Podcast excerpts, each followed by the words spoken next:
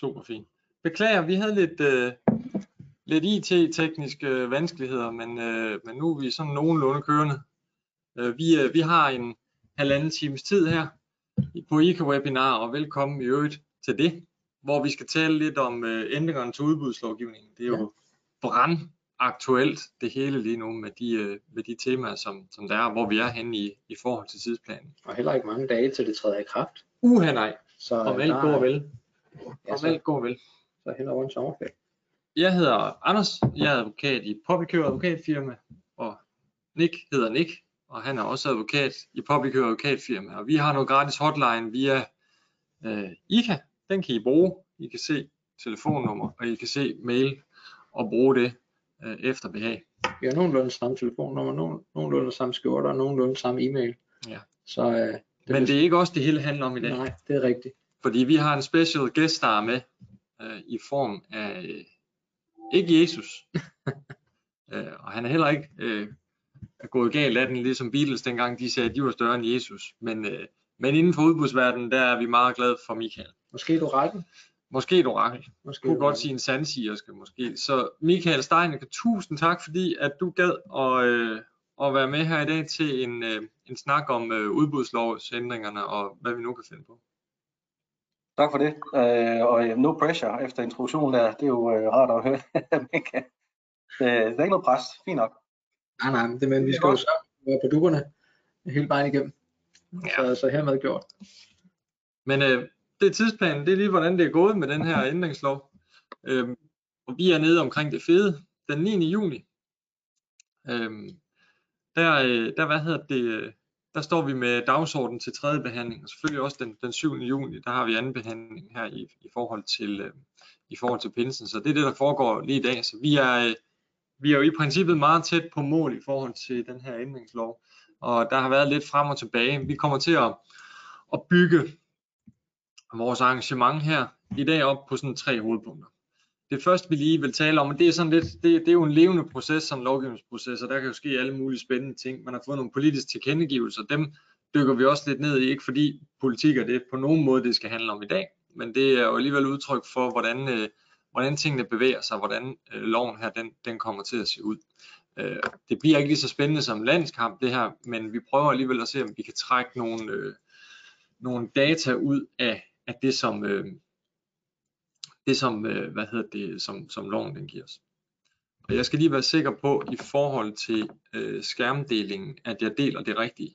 I kan ikke se skærmen, er der nogen, der siger. Det skal vi lige have styr på.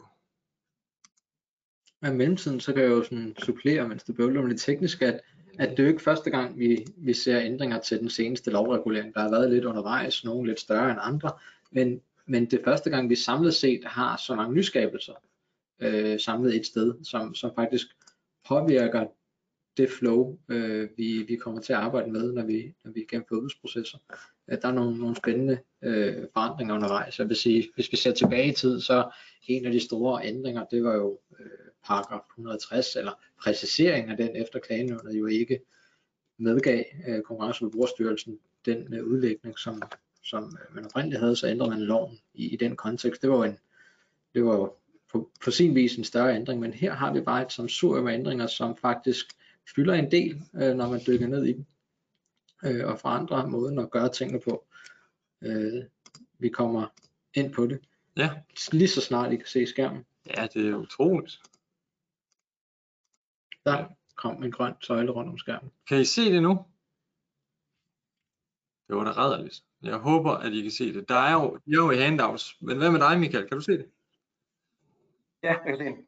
Okay, godt. Fint, fint. Jamen, så, øh, så misser jeg jo også både telefonnummer og det hele. Men lad os nu, og i øvrigt også øh, det fine billede af Michael. Og, Hvis, hvis du nu skulle have glemt, Michael, hvad, vi, øh, hvad vi startede med. men, men grundlæggende, så, så skal vi igennem de her tre overordnede elementer og se på også, hvad der, hvad der, hvad der har rørt sig. Og hvis vi øh, bare dykker ned i det, fordi vi kommer ned i, i de enkelte hovedtemaer, som er spændende. Jeg går ud fra mange af jer nok øh, sådan til hudløshed, måske har været til seminarer, arrangementer og hørt podcast omkring de her ændringslov. Og de er spændende, så spændende er de heller ikke. Men, men der er i hvert fald nogle, nogle enkelte dele, som, øh, som skal med og, øh, og som vi skal vende. Der har været sådan en afstikker ned i tilbudsloven, Mm. og der har været en bestemmelse, som, øh, som førhen også har haft et opmærksomhed for de af jer, der beskæftiger jer med, med bygge og anlæg, og særligt med de her licitationer, der ryger under de omtrent 40 millioner kroner. For så vidt angår øh, pligten til at lade øh, tilbudsgiverne øh, sidde i fællesskab med dig som ordregiver, øh, når der åbnes tilbud, og når der læses forbehold op af sådan en fin forbeholdsliste. Mm.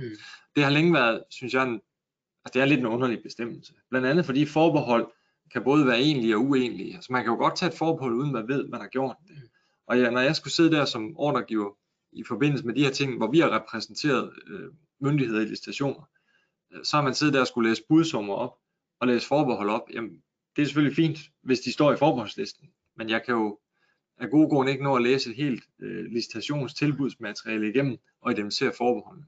Så hele den der fysiske tilstedeværelse, vil nogen mene måske var lidt øh, uddateret, og i allerhøjeste grad, da corona øh, kommer til, og ligesom gør hele den del meget vanskeligt.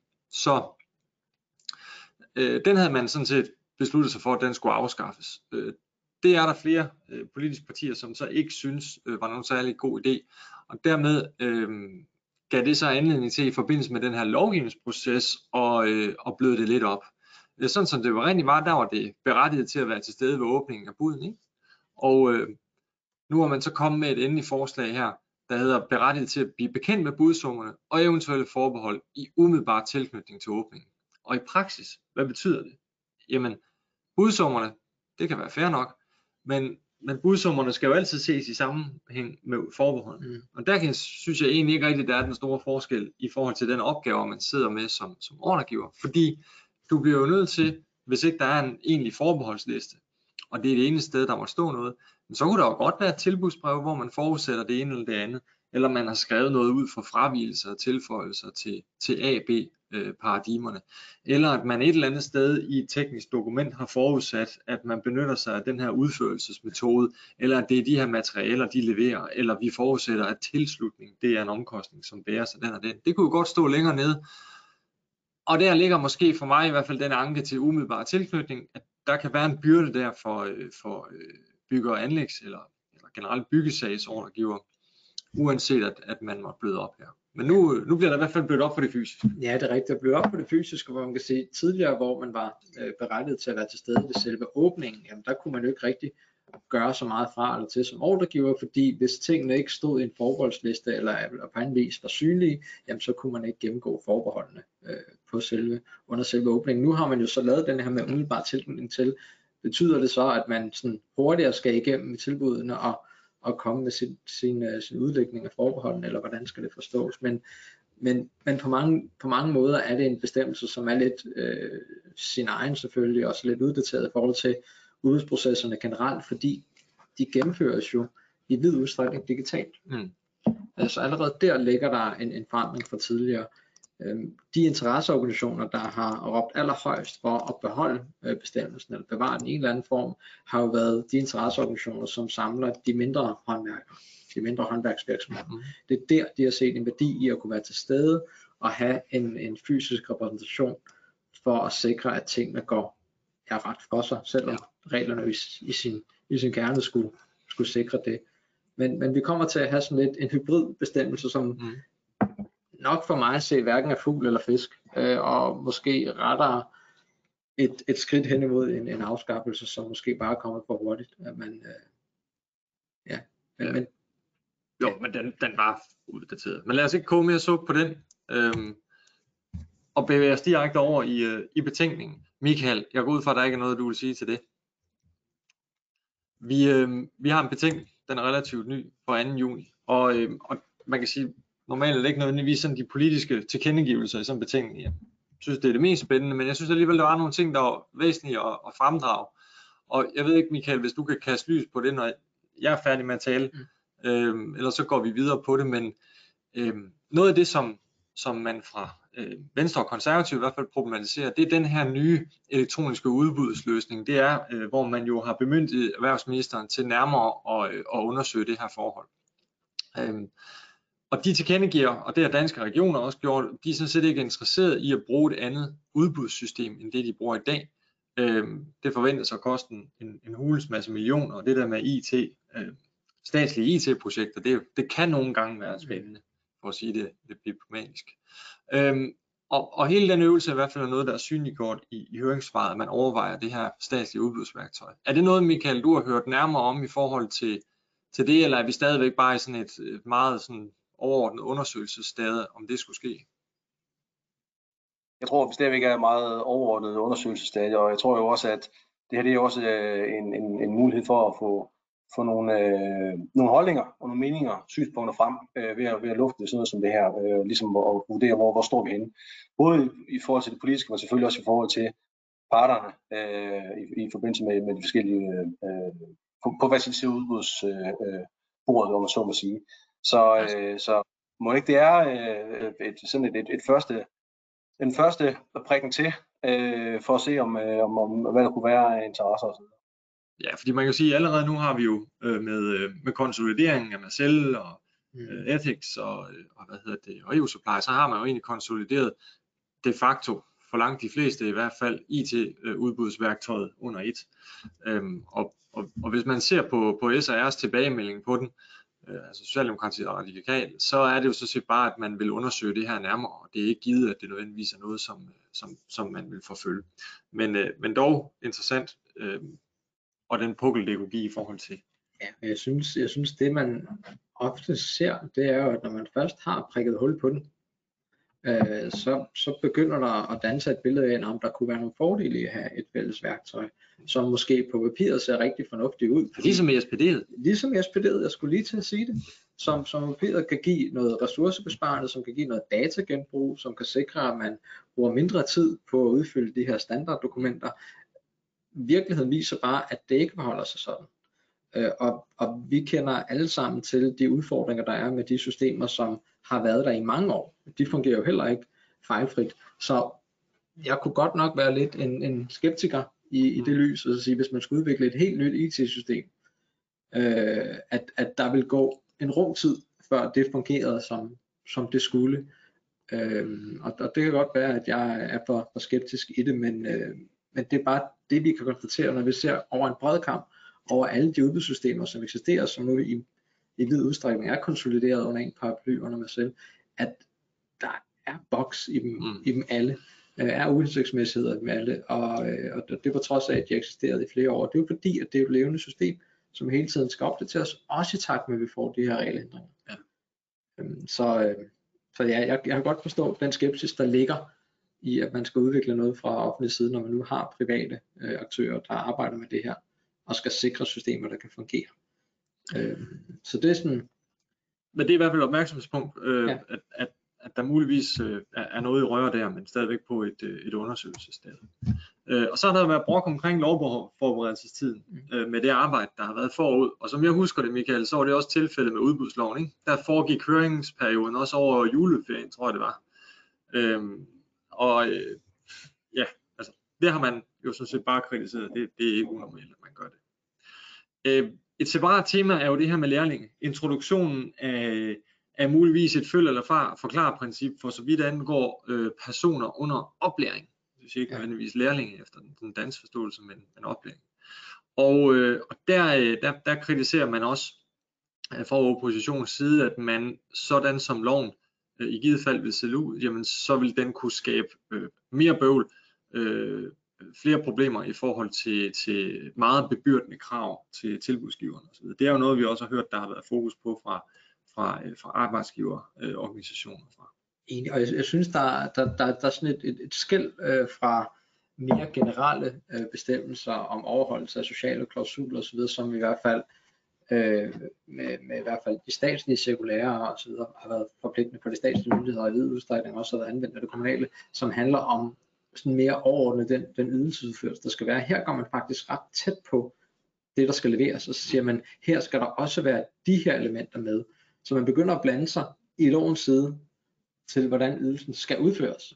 Det synes jeg er enormt vidtgående, øh, fordi det bør jo et eller andet sted være den enkelte ordregivende myndigheds behov, at man selv har den frihed, hvad man jo har, til at definere ydelsesudførelsen. Og det kan være, at der, øh, der har man selvfølgelig stadig mulighed for at undgå lærling, hvis der er eller person under oplæring, hvis der er et, et, et, et rationale der, men at man på den vis skal forklare noget, som handler om ydelsesudførelse, og ikke som relaterer sig til opdeling af delkontrakter, ja. som er mere en strukturel ting.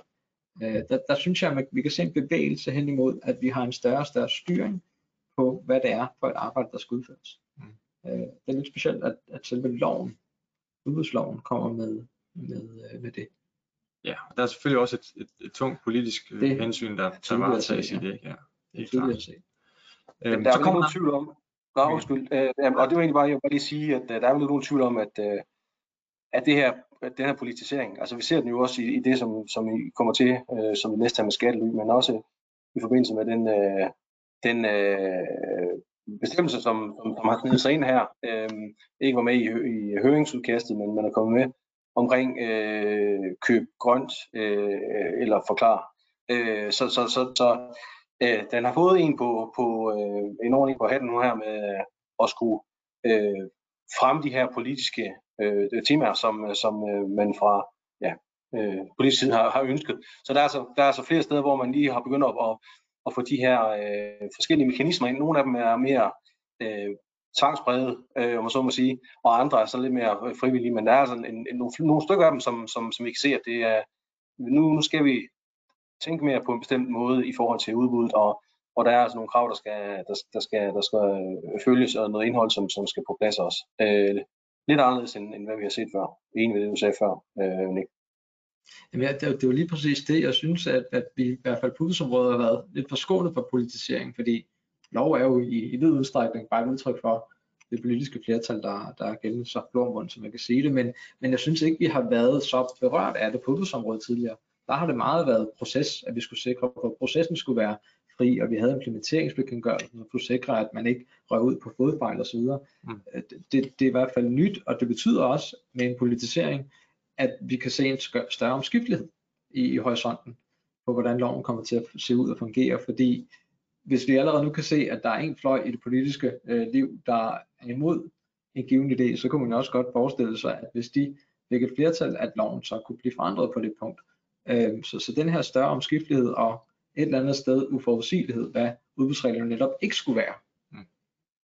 den, den kommer i større grad i spil øh, her nu. Det, Ja, det er jo nogle af de indstillinger, som man også læser i, i, i VK-indlægene, at, at man mener, at det skal være en proceslov. Og det mener man selvfølgelig lige snart, man er i opposition til et, et givet politisk tiltag, så, så egentlig bare henholde sig til øh, ligebehandling og gennemsigtighed, og ikke spørgsmålet om loven er grøn, eller rød eller blå.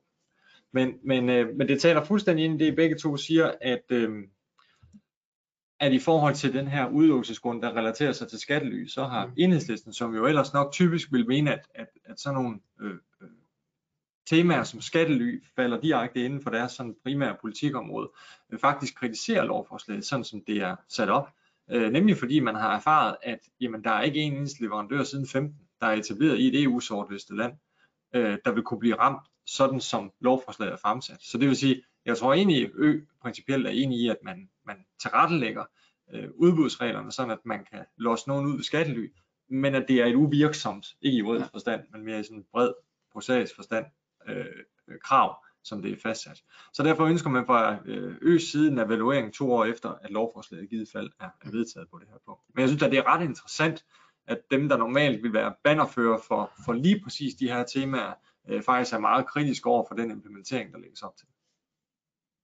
Jeg ved ikke, hvad du tænker, Michael, om, om der er noget, der ser der, eller?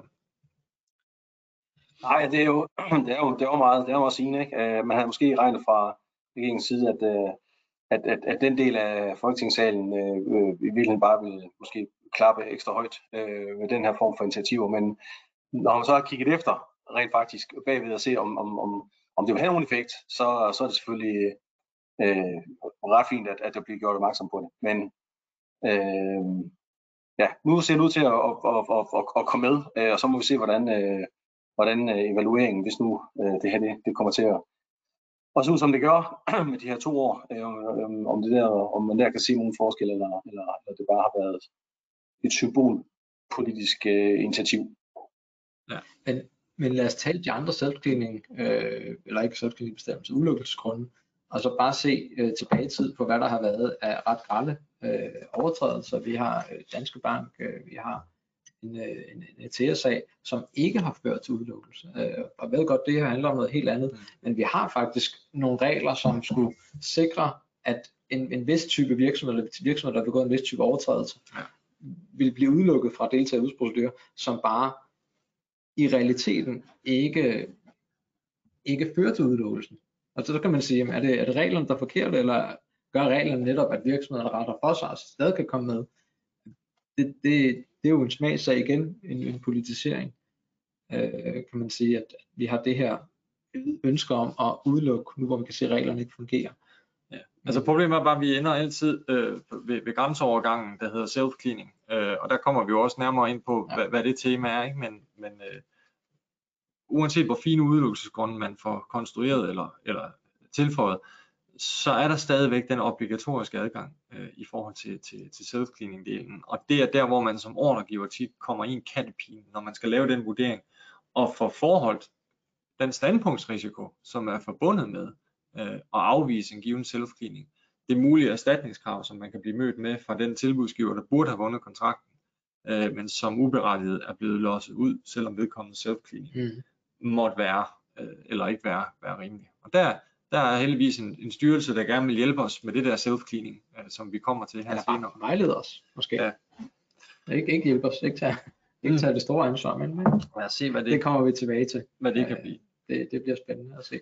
Men jeg vil skal indrømme, at vi har ikke, vi har ikke fulgt op i dag på seneste nyt og så videre, men, men det, er jo, det er jo lige nu, alting sker. Og jeg ved ikke, Michael, om du har hørt noget fra en øresnegl eller et eller andet, men, men, øh, men det, det er lige umiddelbart den opdatering, vi har i, i dag på, øh, på, på betænkningen og på de overvejelser, der har været.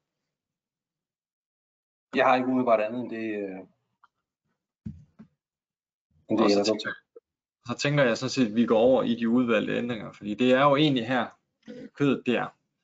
Øh, Der er jo, man kan sige, grundlæggende er der øh, to tempi for ændringer. Der, der er de ændringer, som, øh, som relaterer sig til øh, lovforslaget og det, som, øh, som er kommet oprindeligt i, i høringsudkastet.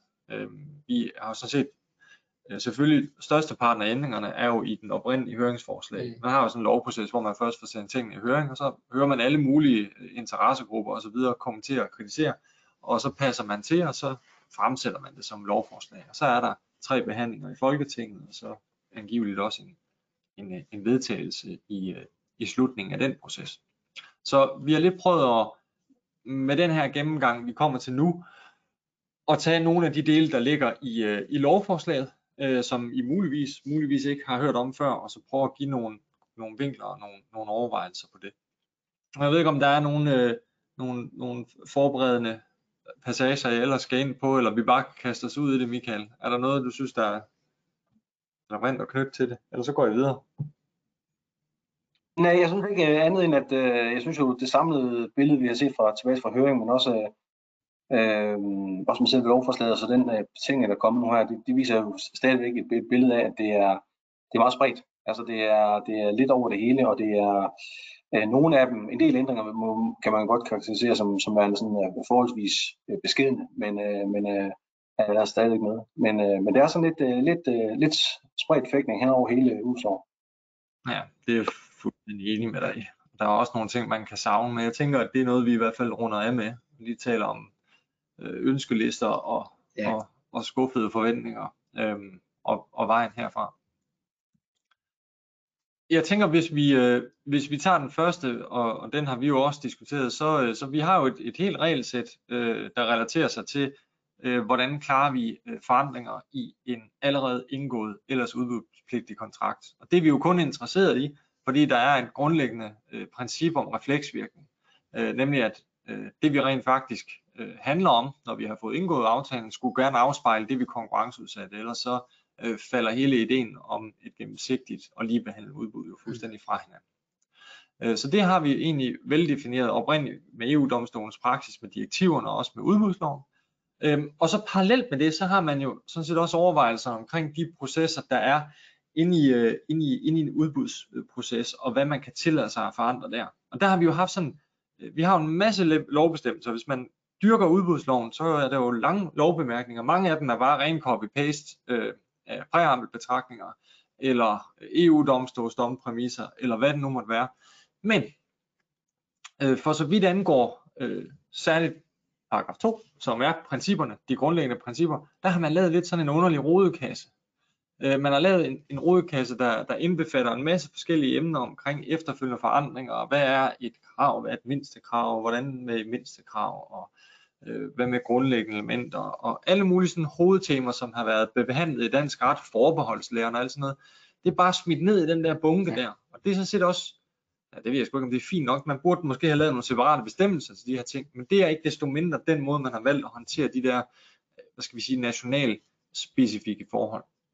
Så det var også tilfældet, når det kommer til rammerne for ændringer under udbudsprocessen. Er det ikke nogenlunde rigtigt, Michael?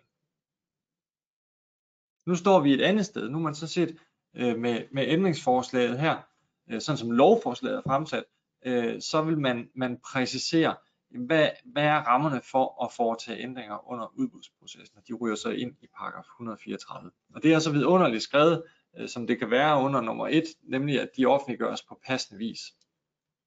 Og det har man jo øh, defineret ud fra den der helt klassiske øh, bonus øh, pater tilbudsgiver, at jeg som rimelig oplyst normalt på tilbudsgiver, så kan jeg lære, hvad i alverden er det for nogle ændringer, der er foretaget, og så kan jeg indrette mig på det, og vi får alle sammen de her oplysninger på samme tid. Og øh, vi er jo sådan lidt, nu må du endelig bare bryde ind, øh, Michael, men, men man bliver sådan næsten lidt overfølsom, både med autoritet og øh, anslået mængde i udbudsbekendtgørelsen øh, udelukkelsesgrund i udbudsbekendtgørelsen, ellers annulation, og alle de andre ting, der skal stå i hjemmelsgrundlaget, nemlig udbudsbekendtgørelsen. Hvordan så, når vi laver de her forandringer? Øhm, og igen, vi vender tilbage til det her med, at vi skal jo med ligebehandlingsprincippet tage hensyn til ikke bare dem, der deltog i processen, ikke bare dem, der ansøgte, ikke bare dem, der afgav bud eller blev afvist. Vi skal også tage hensyn til den der uformelige masse af ubekendte potentielle ansøgere, som kiggede på materialet og tænkte, det var ikke noget for mig. Øhm, og, øh, og i forhold til den del, jamen, når man har offentliggjort et udbudsmateriale i et typisk et det offentlige udbud, så er det nærliggende, at man spider en bekendtgørelse øh, i EU-tiden om den pågældende ændring. At, er det sådan altid, Michael?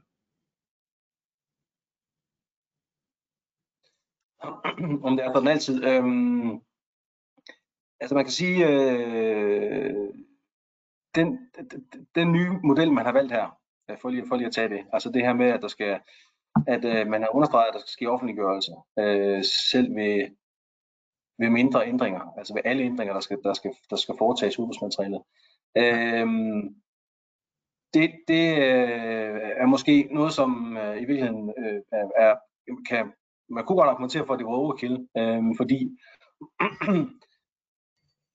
den type ændringer, vi, vi ikke kan foretage efter de her regler, det er jo ændringer i grundlæggende øh, elementer, og det, det kommer vi tilbage til her i punkt 3.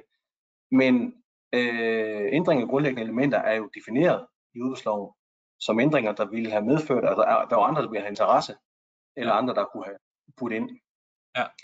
Øh, og jeg går ud fra, at, at den her offentliggørelse jo netop har til formål at, at rette sig mod øh, andre, Øh, ellers så, så er det lidt svært at se, hvad, hvad, hvad, hvad intentionen skulle være med det her. Så der har vi altså vil sige, hvis det skulle rette sig mod andre, øh, hvad, hvad er det så for, altså, hvad er hensynet bag ja. det?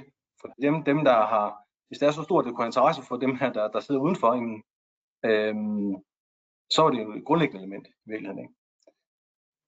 Øhm, ja.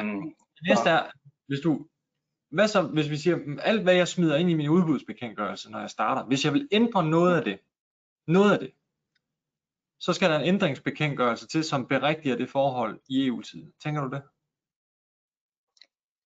Som, som, som øh, forslaget ser ud nu, der, der, der ser det ud til at være, øh, at være det, der, det, der har været intentionen øh, med det. Og det tænker jeg også. Øh, hvilket jo igen, altså, måske kan, kan være lidt voldsomt, fordi det her, det her skal jo, det, det her skal jo som udgangspunkt dække alle typer af ændringer, også de mindre ændringer. Øh, og jeg ser ikke nogen øh, bagatelgrænse som udgangspunkt i, i, i forhold til beskrivelsen af, øh, at, at den her del af paragraf 134. Og så vil jeg spørge, har du, har du prøvet at lave en ændringsbekendtgørelse i EU Supply, eller i Marcel, eller i nogle af de her forskellige udbudssystemer? Der kan, der kan komme så mange af dem. Eller EU-tiden selv, ikke for at kritisere de udbudssystemer. Det er bøvlet og træls. Men, men det, altså, jeg havde, da jeg så øh, overskriften, og lige stussede over det, inden jeg dykkede ned i bestemmelsen, tænkte ej fedt, nu får vi noget mere klarhed over, øh, hvilke ændringer der kan foretages, fordi det er altid noget værre bøvl at lave de ændringer undervejs i udbudsproces, fordi vi hele tiden har den her, hvad vil det her betyde for dem, der ikke har givet sig til kende? Kunne der være nogle andre, der, der vil have puttet ind på opgøren? ændrer vi tidsplanen eller andet, så er det altid noget værre, øh, noget værre bøvl. Øh, men, men den her regelændring, den, det er jo bare en procesændring. Den siger jo bare, hvad man skal gøre, men den forandrer ikke den grundlæggende sådan, usikkerhed med, hvornår noget er grundlæggende. Den, den har vi jo stadigvæk. Øh, og i dag, som, som det ser ud, så kan vi jo bare i princippet, hvis det ikke er en grundlæggende ændring, forlænge tidsfristen øh, for tilbudsadgivelse, hvis det er væsentligt. Det, det, det synes jeg et eller andet sted er nemmere at arbejde med, og mindre byrdefuldt at arbejde med. Fordi lige nu, når vi har en spørgsmål-svar-proces, så kan vi jo med vores spørgsmål svare på en måde, som i realiteten er en ændring, uden at det egentlig har været tiltænkt det, eller, eller andet. Og det, det, det betyder bare, at man har en mere byrdefuld proces, mm. øh, når det kommer i hvert fald til de offentlige udbud, fordi så skal vi, som du helt rigtigt siger, igennem en offentliggørelse hver evig eneste gang i princippet ved hver eneste spørgsmålsrunde, og man skal i hvert fald sikre sig, at man gør det.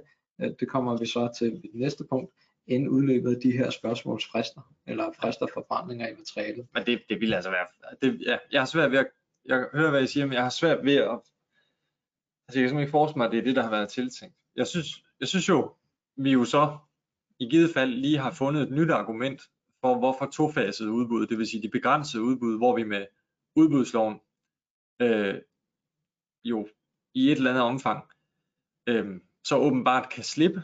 Så når vi er i det tofasede udbud, så skal det kun fremgå af udbudsværktøjet. Er det ikke rigtigt forstået? Så hvis vi har et begrænset udbud, vi laver en ændring, så skal det bare fremgå ind i EU-supply eller Marcel eller hvad det er, hvis det foregår i tilbudsfasen. Er du enig i det, Michael? Men er det ikke, jeg ved ikke se, om du nikker, eller om skærmen den er gået bananas. Jeg nikker, jeg nikker. Så, men prøv lige at høre, fordi der, der var jo en, en grundlæggende forandring med udbudslovens komme. Fordi noget af det fede ved at køre begrænset udbud før 1. januar 16, det var jo, at man ikke skulle have udbudsmateriale klar i forbindelse med iværksættelsen af udbuddet. Der kunne man sidde og putte med sin kravspecifikation, sin kontrakt, indtil at man havde prækvalificeret øh, de egnede ansøgere, og så gav man dem materiale. Så man kunne egentlig, man kunne egentlig lave sit udbudsmateriale samtidig med, at man kørte en, en prækvalifikationsfase. Og det var kun dem, der fik materialet, det vil sige det hensyn til de ubekendte i markedet eksisterede nærmest ikke, fordi de, ja. jo, de har jo ikke ansøgt om, om at deltage. Lige præcis. Så var det ja. dengang. Du slog en ring omkring de prækvalificerede ansøgere og sagde, nu er det dem, der resterer at tage hensyn til. Altså i princippet, der kunne være nogle helt særlige omstændigheder, der, et eller andet med, at, at man fandt ud af noget omkring egenhedskrav, men, men det er jo egentlig det, du slog ring om det. Hvorfor er det så, når vi nu har forandret det, nu er, nu er alt materiale offentliggjort, også i de tofasede udbud. Så det vil sige, det slår rent faktisk igennem, hvis du laver en ændring i tilbudsfasen. Også selvom du har øh, begrænset og skabt en osteklokke, fordi der vil stadigvæk være nogen, der har læst det materiale i den første fase af det tofasede udbud, og sagt, det her det er ikke noget for mig. Hvorfor kan jeg så slippe afsted med at, øh, at holde ændringen til udbudsværktøjet her? Hvad, det, det. hvad er rationale? Det er mig, der overser et eller andet, Michael, men jeg kan ikke... Nå, men det er vel, det er vel et spørgsmål om, at du... Øh, øh, udgangspunktet er, at det, det her med, at så, så har du, du har jo du har sorteret det fra, der skal sorteres fra. Og, øh, og at det, at dermed kan man sige, at, at, at, at dem udenfor kan, kan måske have den interesse, der hedder, at vi kan, vi kan holde øje med, om der sker noget som ikke skulle ske. Vi, kan ikke, vi er ikke selv en del af processen, men vi kan holde øje med, hvad, om, om, om der sker nogle ændringer, som, som, øh, som for os øh, er, er for store eller for små, eller for, er grundlæggende elementer eksempelvis. Ikke? Øh, men ellers så, så, så må sige, og det, det kan være, at man synes, det er for, det er, for, øh, det er alligevel at gå for langt, så man vil sige, når vi er inde i den, den anden fase, så, så vil det øh, hensyn ikke være øh, nødvendigt at tage. Det kan meget vel være, men jeg skal jo som tilbudsgiver, så økonomiserer jeg jo med mine ressourcer. Jeg beslutter mig for, hvor vil jeg ansøge, hvor vil jeg ikke ansøge. Og, og nu er de jo forpligtet, som det er, til at offentliggøre et udbudsmateriale. Det er i ansøgningsfristen. Jeg vælger den fra. Det gider jeg ikke.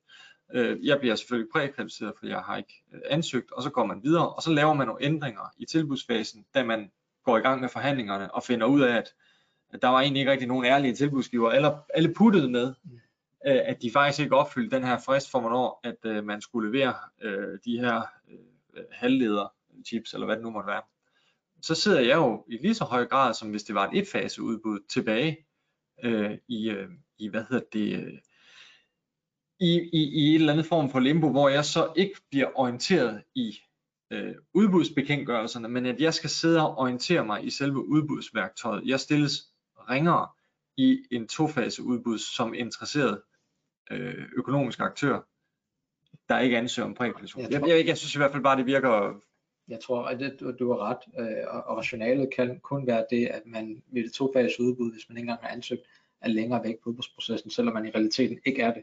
Fordi det går sagtens være på elementer i selve udbudsgrundlaget, der gør, at man afstår fra at byde.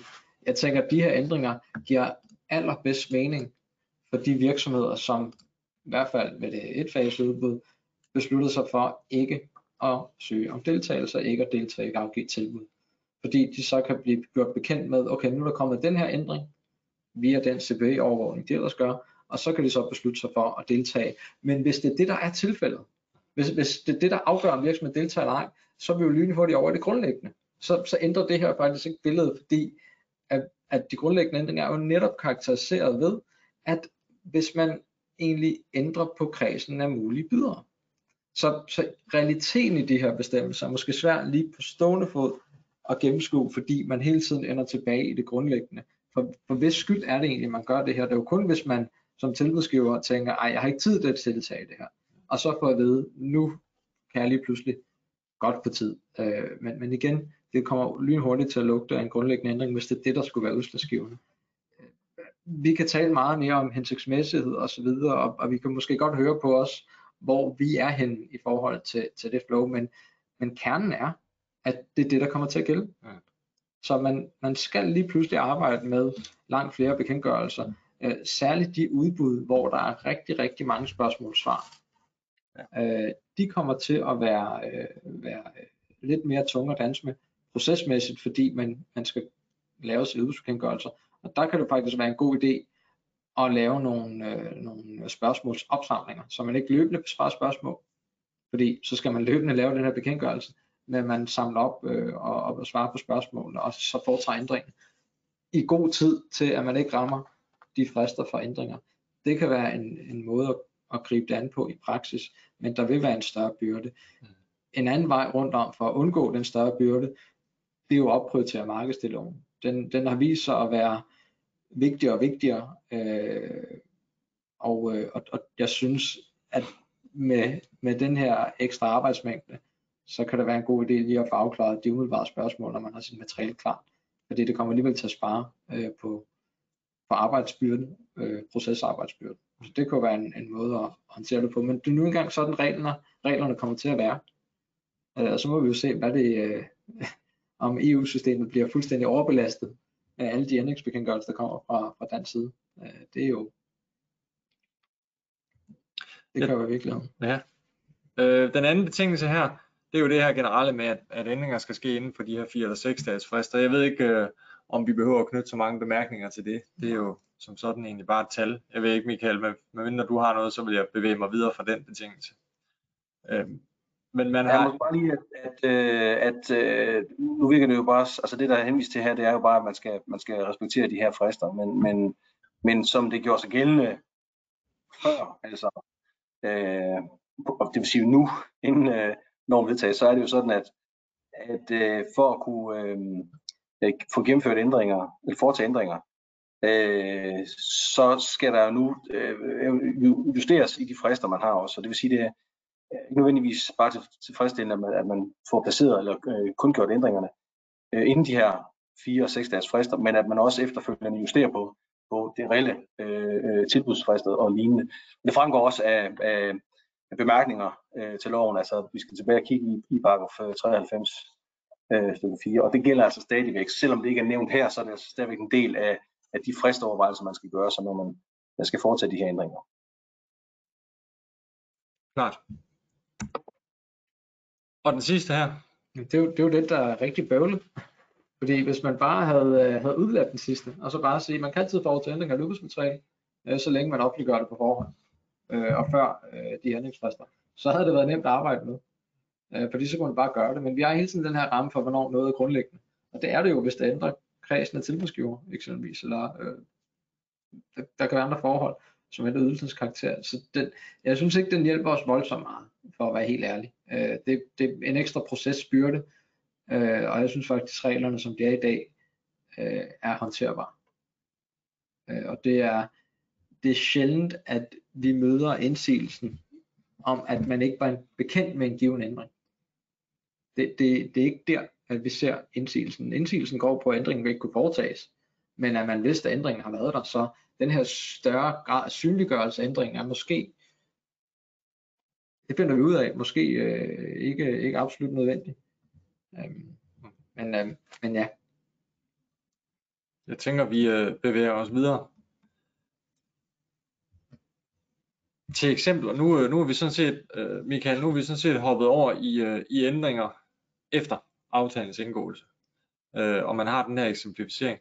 Jeg ved ikke, Michael, om, om fordi jeg, jeg har simpelthen svært ved at, at mønstre motivationen til at gå den her slide igennem, fordi jeg er ikke helt sikker på, hvad formålet med den er. Øh, ikke slide, men nu mener jeg egentlig ændringen. Øh, hvad den skal, hvordan den hjælper os. Jeg, jeg husker sådan set, at den vel allerede et eller andet sted er håndteret. Hvad, hvad tænker du? Det, det, det, den, er, den, er, den er til min bedste overbevisning håndteret forstået på den måde, de her forhold, som, som er hævet op og gjort som øh, til eksempler øh, på, hvad, hvad sådan en, øh, en, øh, en uh, ændringsklausul øh, kan omfatte, jamen de er, dem har vi allerede set i det omfang, vi har, vi har, vi har, har kigget mere end en gang i, øh, i lovbemærkningerne til altså L uh, 19 det fra 2005 til op, oprindelige bestemmelse, paragraf 179. Så, øh, så nøjagtigt de her sager, de er jo sådan set, øh, de er jo allerede øh, nævnt øh, mere eller mindre utryggeligt i øh, lovbemærkningen, og så skal vi jo derudover huske på, at, at øh, paragraf 179 skal jo vedrøre alt. Så, så det vi har brug for, er det en eksemplificering, når vi ved, at bestemmelsen kan omfatte alle forhold. Øh, måske ikke, øh, så, så betyder det jo netop, at, at, at alting kan være, kan være omfattet af det her, selvfølgelig inklusiv de forhold, som, som nævnes her. Men øhm, Øh, det kan være, at man har ment, at det, det, det må være, fordi man mener, at det har et, et, et, et, et illustrerende forhold eller, eller øhm, formål, øhm, så man kan se, hvad det er for nogle typer, som øh, er tiltænkt fra lovgivers side måske kunne være interessant her, eller, eller noget af det, som man forventer kunne være mest relevant i praksis eller lignende. Men øhm, ja, man kan det, sige, det, det, der, i hvert fald en eller anden form for aktualitet øh, i forhold til øh, verdensbegivenheder lige nu, men derudover så men kunne man, kunne man forestille sig, altså det ikke, jeg læser det ikke i det, men kunne man forestille sig, at fordi man nævner eksempelvis prisindeksering, som faktisk er, at hvad der rører sig mest, mm.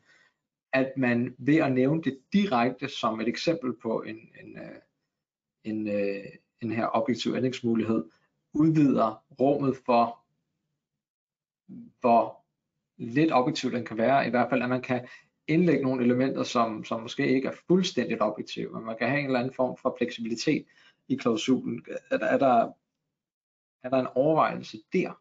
Øh, eller, fordi ellers så, så er bestemmelsen jo i realiteten overflødig, fordi som I er inde på, vi har jo allerede kendskab til eksemplerne.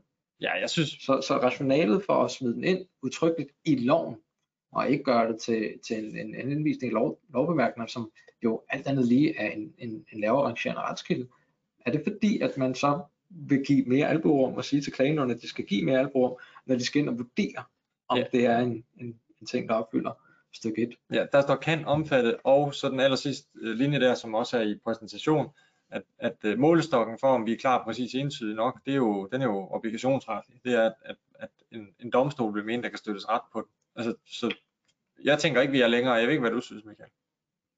Jeg, jeg mener slet ikke, den her rykker på noget som helst i forhold til, øh, hvad der skal til for, øh, og det, det, det nævnes jo heller ikke, at der er på nogen måde intention om, at man skal, man skal leve om på det her. Øh, så, så, så det er vel en ren, ren skær øh, øh, illustration af, at det her det kunne være omfald, øh, hvis man skulle være i tvivl. Øh, og så, øh, så må man tage de ting, der ligger i. Øh, jeg, jeg, jeg, jeg synes måske, øh, jeg synes stadigvæk, det kunne være mere interessant, hvis man havde kigget lidt på, hvornår er en klausul klar, præcis og entydig øh, nok øh, til, at den rent faktisk kan omfattes af paragraf 179. Øh, det synes jeg, selvom vi har enkelte gengivelser i den oprindelige, oprindelige øh, lovbemærkninger fra 2015, så synes jeg ikke, at den er, den er helt så klar. Øh, men, men, men det er ikke der, man har valgt at, at slå til. Øh, Så, øh, så, øh, så vi må tage, hvad vi kan få måske.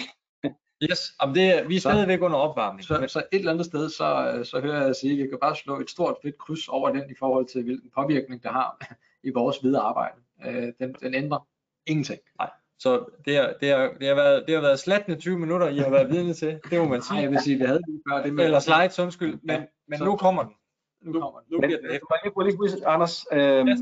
bare, bare hvis vi skal se, om vi kan, om vi, om vi kan finde en eller anden, en eller anden form for øh, motiv til det her. Øh, jeg tror ikke på, at det har været direkte øh, bestemmende, men vi ved jo også fra en, fra en tidligere øh, justering af udbudsloven, Øh, at øh, man fra EU's side jo hellere vil have, at ting står i loven, end at de står i lovbemærkningerne. Det, det er jo det, er det vi blev kritiseret for, øh, øh, da vi lavede den, den første store ændring på baggrund af kommissionens øh, øh, øh hvad hedder det, start på et traktatbrudssøgsmål mod os. Det var der jo, at vi flyttede en del ting, som, som, som, var, som var godt gemt nede i øh, lovbemærkningerne. Der flyttede vi op i lovteksten, fordi det er den måde, EU synes, at vi skal implementere de her, ting, de her ting på. Så der har man jo så selv, og jeg tror ikke, at det har været et hovedformål på nogen måder, men man har i hvert fald øh, øh, gjort noget, som, som, som man i EU synes sikkert kunne være en, en ganske god idé, nemlig at tage det, der var gemt i lovbemærkningerne og flytte det op, så det er tydeligt. Men hvorfor lige det her, øh, et område, hvor der måske ikke rigtig har nogen materiel substans, det, det kan man så diskutere. Og jeg vil jo sige, der er også på et eller andet tidspunkt en meget, meget dygtig øh, landsdommer, som i forbindelse med behandling af en klagesag, der at relaterede sig til, til 20%-reglen, jo konstaterede, at, at som retskilde, øh, så var der ikke styrke nok i lovbemærkningerne, set i forhold til, hvad der stod decideret i, i, øh, i udbudsloven. Ikke? Og, og det er jo direktivet. sådan set også, ja undskyld, jeg direktivet. Og det er vel sådan set, øh, det er vel sådan set også en meget god præg om, at man skal få skrevet tingene direkte ind i loven, og droppe den der lange rodekasse i lovbemærkningerne, som, som det næsten kun er juristerne, der bruger tid på. Ikke? Men, men så kan vi blive enige om, at rationalet måske har været super fornuftigt, men, men måske er at, at det våben eller det middel, man har brugt lige i det her tilfælde, måske øh, ikke så velvalgt. Ja, hvad med paragraf 160, Ja. øh, som selvfølgelig er særskilt dansk, men, men altså, der kunne man måske godt have flyttet de der 6.000 siders øh, redegørelse for det øh, ind i noget lovtekst. Men fred være med det. Men nu, kom, nu, nu afslørede du, der vil komme noget Ja. hæftigt. Ja, nu bliver det, nu bliver det, nu bliver det voldsomt. Og det var jo den, som øh, Michael kan næsten ikke få luft, men, men det er sådan set øh, den her nye paragraf 194 stykke 4 øh, for lovforslaget, som jo, øh, som jo handler om køb grønt eller forklar, som jo er en videreudvikling af opdele eller forklare, kan man sige. Opdele eller forklare, som, som jo handlede om det her med, at man kigger på, om det nu også er nødvendigt at samle alle sine aftaler i en, og på den måde udelukke de små fisk, de lokale fisk, øh, SMB'erne, som jo også var et stort hensyn i, øh, i, hvad her, i, i forbindelse med, med direktivet og dets implementering i udbudsloven. Men nu introducerer man altså i hvert fald muligheden for, at erhvervsministeren kan, kan lave sådan en, en øh, køb grønt eller forklare bestemmelse. Jeg ved ikke, Michael, om du har sådan nogle, nogle brede overvejelser i forhold til den, så vi kan få diskuteret det. For det første, jeg synes, at øh, en stor del af den kritik, der har været om øh, opdelt forklare altså i forhold til delkontrakterne og paragraf 49, det har jo netop været, at det, det, har, altså, det er sådan en øh, øh, øh, lex imperfectum, det vil sige, det er en, regel, hvor der ikke er nogen form for konsekvenser forbundet med, at man overtræder. Ja. Så, det her, så, så i det lys, der kan man sige, der kunne det godt være anses at være klædeligt øh, og fremdyrke øh, større effektivitet, at man, øh, at man øh, havde en, en bestemmelse som den her, hvor der, der, der er nogle, øh, noget økonomisk sanktion øh, forbundet med en, en overtrædelse. Øhm, så, så, så isoleret set i forhold til paragraf 49, så kunne man jo godt se på, de, på det bøvl, der har været med bestemmelsen, øh, øh, se, se det fornuftige i det. Og, øhm, og spørgsmålet er så om, om, som vi var inde på før, i forhold til det her med det, med det, øh, med det politiske, så, er det jo, så er det jo måske det første skridt i forhold til, at vi får øh, gjort det grønne, øh, får det, får det øh, mere tydeligt med, nu forstået på den måde, at så, så skal der tage stilling. Øh, og hvis ikke der tager stilling, så, så, så står vi i samme situation, som vi gør efter 49. Men, øh, men øh, Sorry, undskyld mig. der er ikke så meget andet, end at, at, at, at det, det kunne godt se som et første skridt. Øh, Ja. Og så kan det være, at man finder øh, nogle supplerende redskaber senere, som kan være med til at stramme op omkring det her, således at der, vi går fra at skulle øh, øh, give et, øh, en motivation til at overveje det, så til at øh, og strammer og så siger så, så skal, bør I, skal I egentlig gøre det i virkeligheden. Øh, så så, så øh, øh, altså min indtryk er, at, at, at, at miljø- og klimahensyn øh, i forvejen er noget, der, der fylder ret meget. Øh, så, så spørgsmålet er, hvor nødvendigt det er, men det, det skal jo det, det, det, ved man, det ved vi meget mere om derude øh, øh, i overgiverne, hvor, hvor meget man tænker på de her ting. Men mit indtryk er, der, at, der, at, der, at der tænkes på det, og, og ud fra det perspektiv kunne man sige, så er det måske spørgsmålet, hvor nødvendigt det virkelig er. Altså, kynikeren kommer op i mig her, fordi jeg kan nemlig godt huske, at vi lagde ud med opdel eller der, og, og det her, at man skulle have en refleksion i sine udbudsbetingelser, eller hvis man nu vil smide det helt op i udbudsbekendtgørelsen.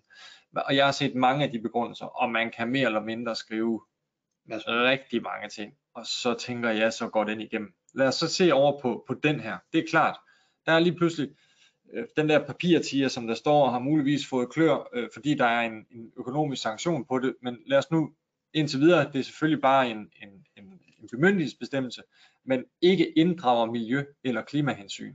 Det er, øh, det er en lav bare, vil jeg sige. Og, øh, og, og der vil for langt de fleste øh, udbudte aftaler, i særdeleshed også rammeaftalers vedkommende, vil allerede nu være indarbejdet, for eksempel kommunale indkøbspolitikker, der relaterer sig til grønne hensyn mm. i forhold til øh, forskellige standarder. Lad os bare tage den der miljøledelsestandard, hvad der nu måtte være, som er blevet indarbejdet øh, i de her skabeloner. Opfylder de måske egentlig ikke allerede det her kriterium? Et. To hvilken, altså hvad flytter de i forhold til, til, til det grønne? Øh, det, det kan man selvfølgelig altid diskutere, men jeg, jeg tænker, at, øh, at man er rimelig godt kørende allerede på mange af de her bestemmelser. Ja, men, og jeg, jeg tænker, at, at sådan i praksis, hvad, hvad betyder det så? Jamen de udbudsskabeloner, man har, øh, hvis man ikke har det i forvejen, så indarbejde en, en, øh, en bjælke, hvor man lige sikrer sig, at man tager stilling til det. Øh, enten ved bare at fjerne bjælken, fordi det er indeholdt i materialet, øh, eller i hvert fald øh, at man lige skal skrive et par linjer eller ej, fordi så husker man det fra gang til gang. Det andet er, øh, at den måde, som, som vi har formuleret, eller vi kan se, den er formuleret på, det er jo efter påstand, mm. kan man pålægge en økonomisk sanktion. Hvad betyder det? Jamen, det betyder, at der er nogen, der skal kræve det. Øh, der er nogen, der skal indlede en klagesag, og så nedlægge det som en separat påstand. Øh, og, og hvem gør det? Hvilket rationaler er det, jeg gør det? Der, der kan være meget lidt vundet, hvis det er en isoleret overtrædelse, man går efter øh, fordi der er der ikke noget økonomisk udkomme for den enkelte klager. Lige præcis. Øh, I forhold til, til den her økonomiske sanktion. Øh, og, og spørgsmålet er, er det noget, som i sidste ende kunne føre til en annulation af en tildelingsbeslutning?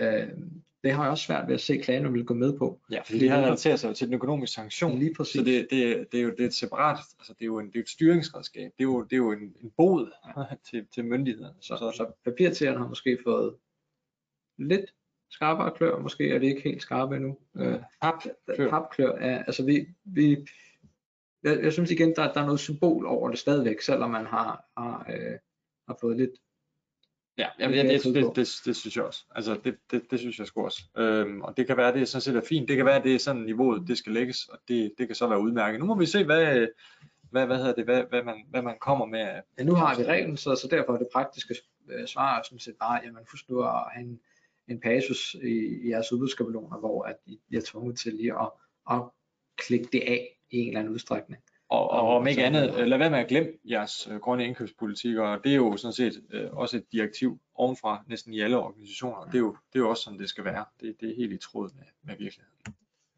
Jeg ved Michael, må jeg gå videre til den næste, eller havde du mere at tilføje, eller så siger du bare til. Og så da udbudsloven og direktivet kom, så fandt vi jo ud af, at lige pludselig kunne vi alt det, som forsyningssektoren også kan, nemlig nu kan vi forhandle i et væk. Og der var nogen, der sagde, at jamen, altså, den er fri nu, den er åben, konkurrencepræget dialog, udbud med forhandling. I kører bare, skriv en sætning, og så er der total adgang til at forhandle.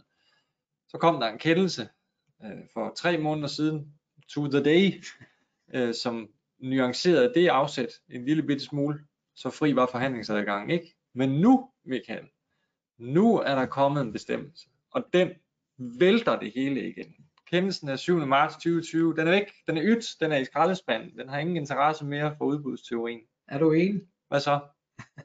Spørgsmålet er, om vi ikke bare skal, skal fjerne offentlig udbud og begrænset udbud, øh, helt fra jordens overflade, og så bare køre øh, forhandlet udbud hele vejen igennem. Øh, jamen, øh, den, den, øh, den, øh, den, den vil da sikkert øh, åbne lidt. Øh, øh, nu har man jo så suppleret den, den, den, den allerede eksisterende tekst med, med den passus, som, som, som er med her. Øhm, Synes du, den er åbnet? øh, Lidt åbner den. siger du? Synes du, den er åbnet? Med den formulering der? Ja, men øh, hvis der er altså mere end... Øh, altså enten er, det, enten er der ikke sket noget, eller også er det sket, eller også er det blevet snævrere, eller også er den åbnet. Og hvis der, er- det skal være en de to sidste, så vil jeg sige, så er den åbnet, men dog absolut begrænset. Øh, øh, også i forhold til den formulering, der var allerede, allerede før. Så, så der, er ikke, der er ikke voldsomt meget øh, om noget, der, der er sket, men der er jo selvfølgelig en intention med, at man har smidt den her i, ikke? og det er vel, at man øh, har, har tænkt sig, at der kunne være nogle eksempler, nogle situationer, som ikke åbenlyst faldt ind under tidlig formulering, som man så vil sige, "Nå, så er det, så er det, så er det måske det her, øh, så falder den også, så falder det også ind under. Men i bund og grund kan jeg ikke se den store, den store forskel på, på Jeg formuleringen. har også faktisk spurgt, fordi men det, det, Nej, jeg, jeg, men, men der, så der, er der, det du har, lige være stille et nej, nej, jeg har, jeg har Okay. faktisk, fordi der er mange, nu, nu øh, smider det, nu smider du på bordet, Michael, nu, nu får du den. Øh, tidligere har vi haft bestemmelsen, hvor vi har udgangspunkt i kontrakten, altså de særlige omstændigheder forbundet med kontrakten, det vil sige, det er det resultat, vi når. Nu har vi så en herunder en behov for tilpasning af tilbudene. Så, så den, den fører os, som, som jeg ser det, lidt tidligere ind i processen, hvor at hvis nu jeg siger, ej, men ved du det her er et område, hvor at, øh, der altid er jo konditionsmæssige tilbud, og det er rigtig svært for tilbudsgiverne at finde ud af, hvad der er op og ned i, i den her sag. Så jeg kan bruge forhandlingsrummet til at gøre tilbudene bedre. Øhm, hvad siger du til det? Jamen, øhm, de muligheder, der har været efter, både i forhold til udbud med forhandlinger og i forhold til konkurrencebrede dialog, har jo netop har, har gået på situationer, hvor, hvor der har kunne være et, øh, en usikkerhed eller et gab eller noget mellem det overgiver ønsket, og så det tilbudsgiverne kunne komme med. Så, så, så har, det ikke, har det ikke hele tiden ligget det i implicit i det, at øh, man kunne, øh, kunne, kunne, kunne foretage sig de her ting, eller, eller hvad, Nick? Det ved jeg, jeg, havde, jeg har nok været, eller jeg, jeg er nok stadig betænkelig ved at sige, at vi på standardiserede ydelser, her kan jeg sådan smide et rengøringsudbud på bordet, hvor der er en masse forskellige lokaliteter og en masse forskellige ting at være opmærksom på, eller øh, sortimentsudbud, hvor at ydelsen i sin, i sin kerne er ikke svær, men processen hen imod resultatet, altså sortimentsudbudsdelen, hvordan gør vi det her, den kan være svær. Øh, der, der, vil jeg sige, at der, der vil jeg stadig være loren ved at bruge de, de tidligere bestemmelser. Måske, altså hvis jeg skulle tvinges til at læse ind i, hvor er det, vi åbner op så, jamen, så kunne jeg godt argumentere for det, det. Men, men altså, hør, hvor, hvor vag jeg er omkring det. Jeg, jeg kan godt være, være bekymret for, at der ikke i realiteten er nogen åbning. Men hvis jeg skulle tvinges ud i, i hvor jeg kunne se det, lidt ligesom du siger, den er der jo af en eller anden årsag. Så, så hvor er det, vi skal finde åbningen? Øh, ellers er den jo totalt overflødig. Men Så er det nok, så er det nok de områder, hvor vi har med, med svære udbudsprocesser at gøre. Altså hvor tilbudene er svære at, at gribe. Øh, men, men igen, vi må stadig ikke foretage øh, væsentlige ændringer undervejs i et udbuds, øh, forhandlingsudbudsproces. Så, så, så på den måde kan vi ikke gøre så meget. Så det er stadigvæk i relation til de tilbud, vi får ind. Og det er også det, bestemmelsen går på. Tilbudene kan jo ændres øh, i vid udstrækning fra, fra det ene til det andet, men, men, men ja, altså det, det skal jo nok være op til klagenævnet at bedømme, hvor, hvor langt vi kan strække den her.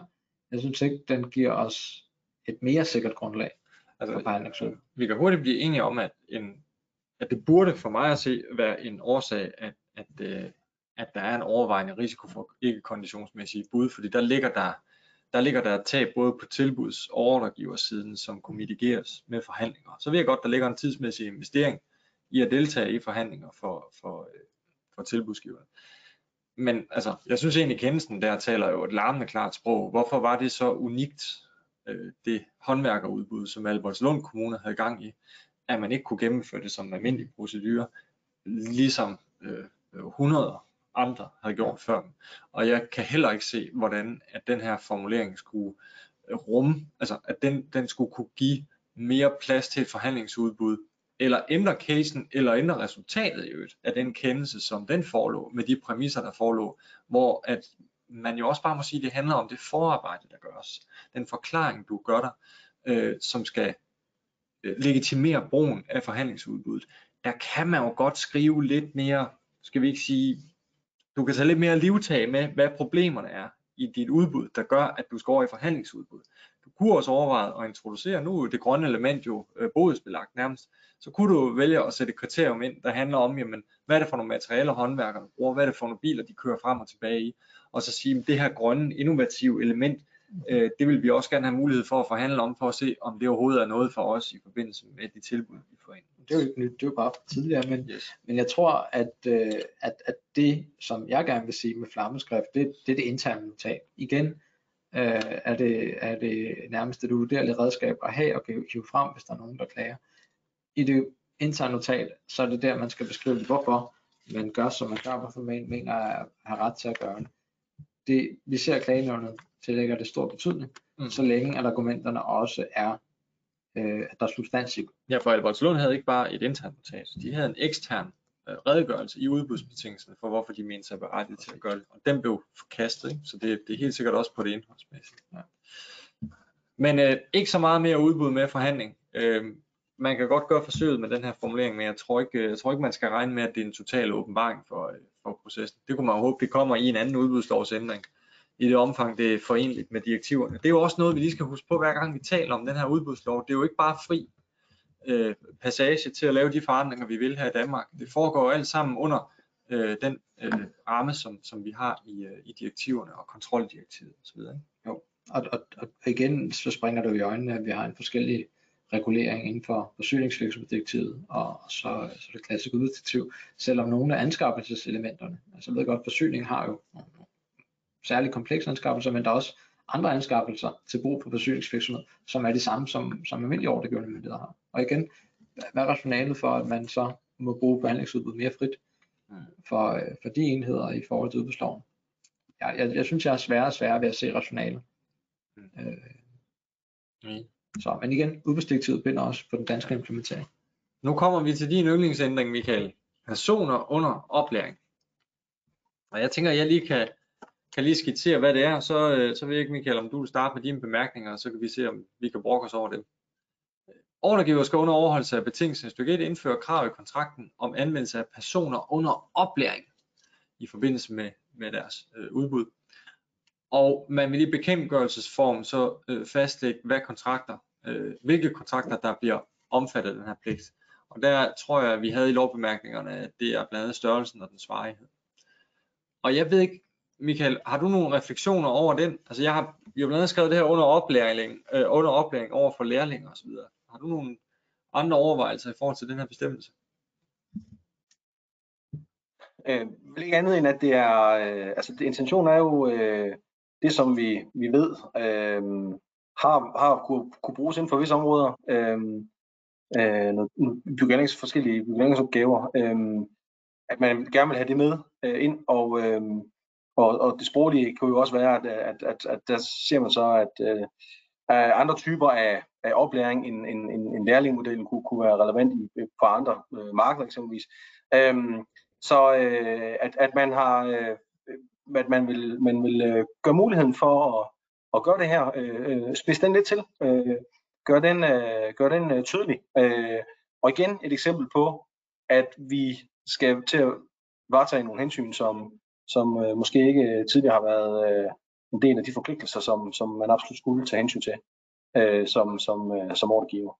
Øhm, og så kan vi jo så diskutere, om de rammerne for det er, er på plads. Øh, henviser også her til, til tilbudsloven og, og, og, og den ramme, der sættes der i forhold til varighed og i forhold til størrelse af kontrakter. Øhm, så, øhm, men øhm, vi vil diskutere, hvordan øh, erhvervsministeren vil, vil, vil, vil skære den til i forhold til, til øh, indkøb under udbudsloven, øh, for at se, om, om det kommer til at passe. Ja, så sker der også noget udvidelse af området i forhold til tilbudsloven, ikke? Så, så vi med, med, med den sidste pind der, som vi har i præsentationen, man kan se, jamen, øh, så er det selvfølgelig dansk bygge- og anlægskontrakter, det er jo dem alle sammen, over 6 måneder øh, og over 5 millioner. Altså så, så, så rammer vi jo sådan set, øh, ja, vi er over øh, de, øh, vi er over de, øh, de, de, de, de, øh, op til de sideordnede bud og så videre. Der, det bliver mere omfattende, øh, kan man sige, også på licitationssiden. øh, med den her bestemmelse, at man skal forholde sig til det her spørgsmål.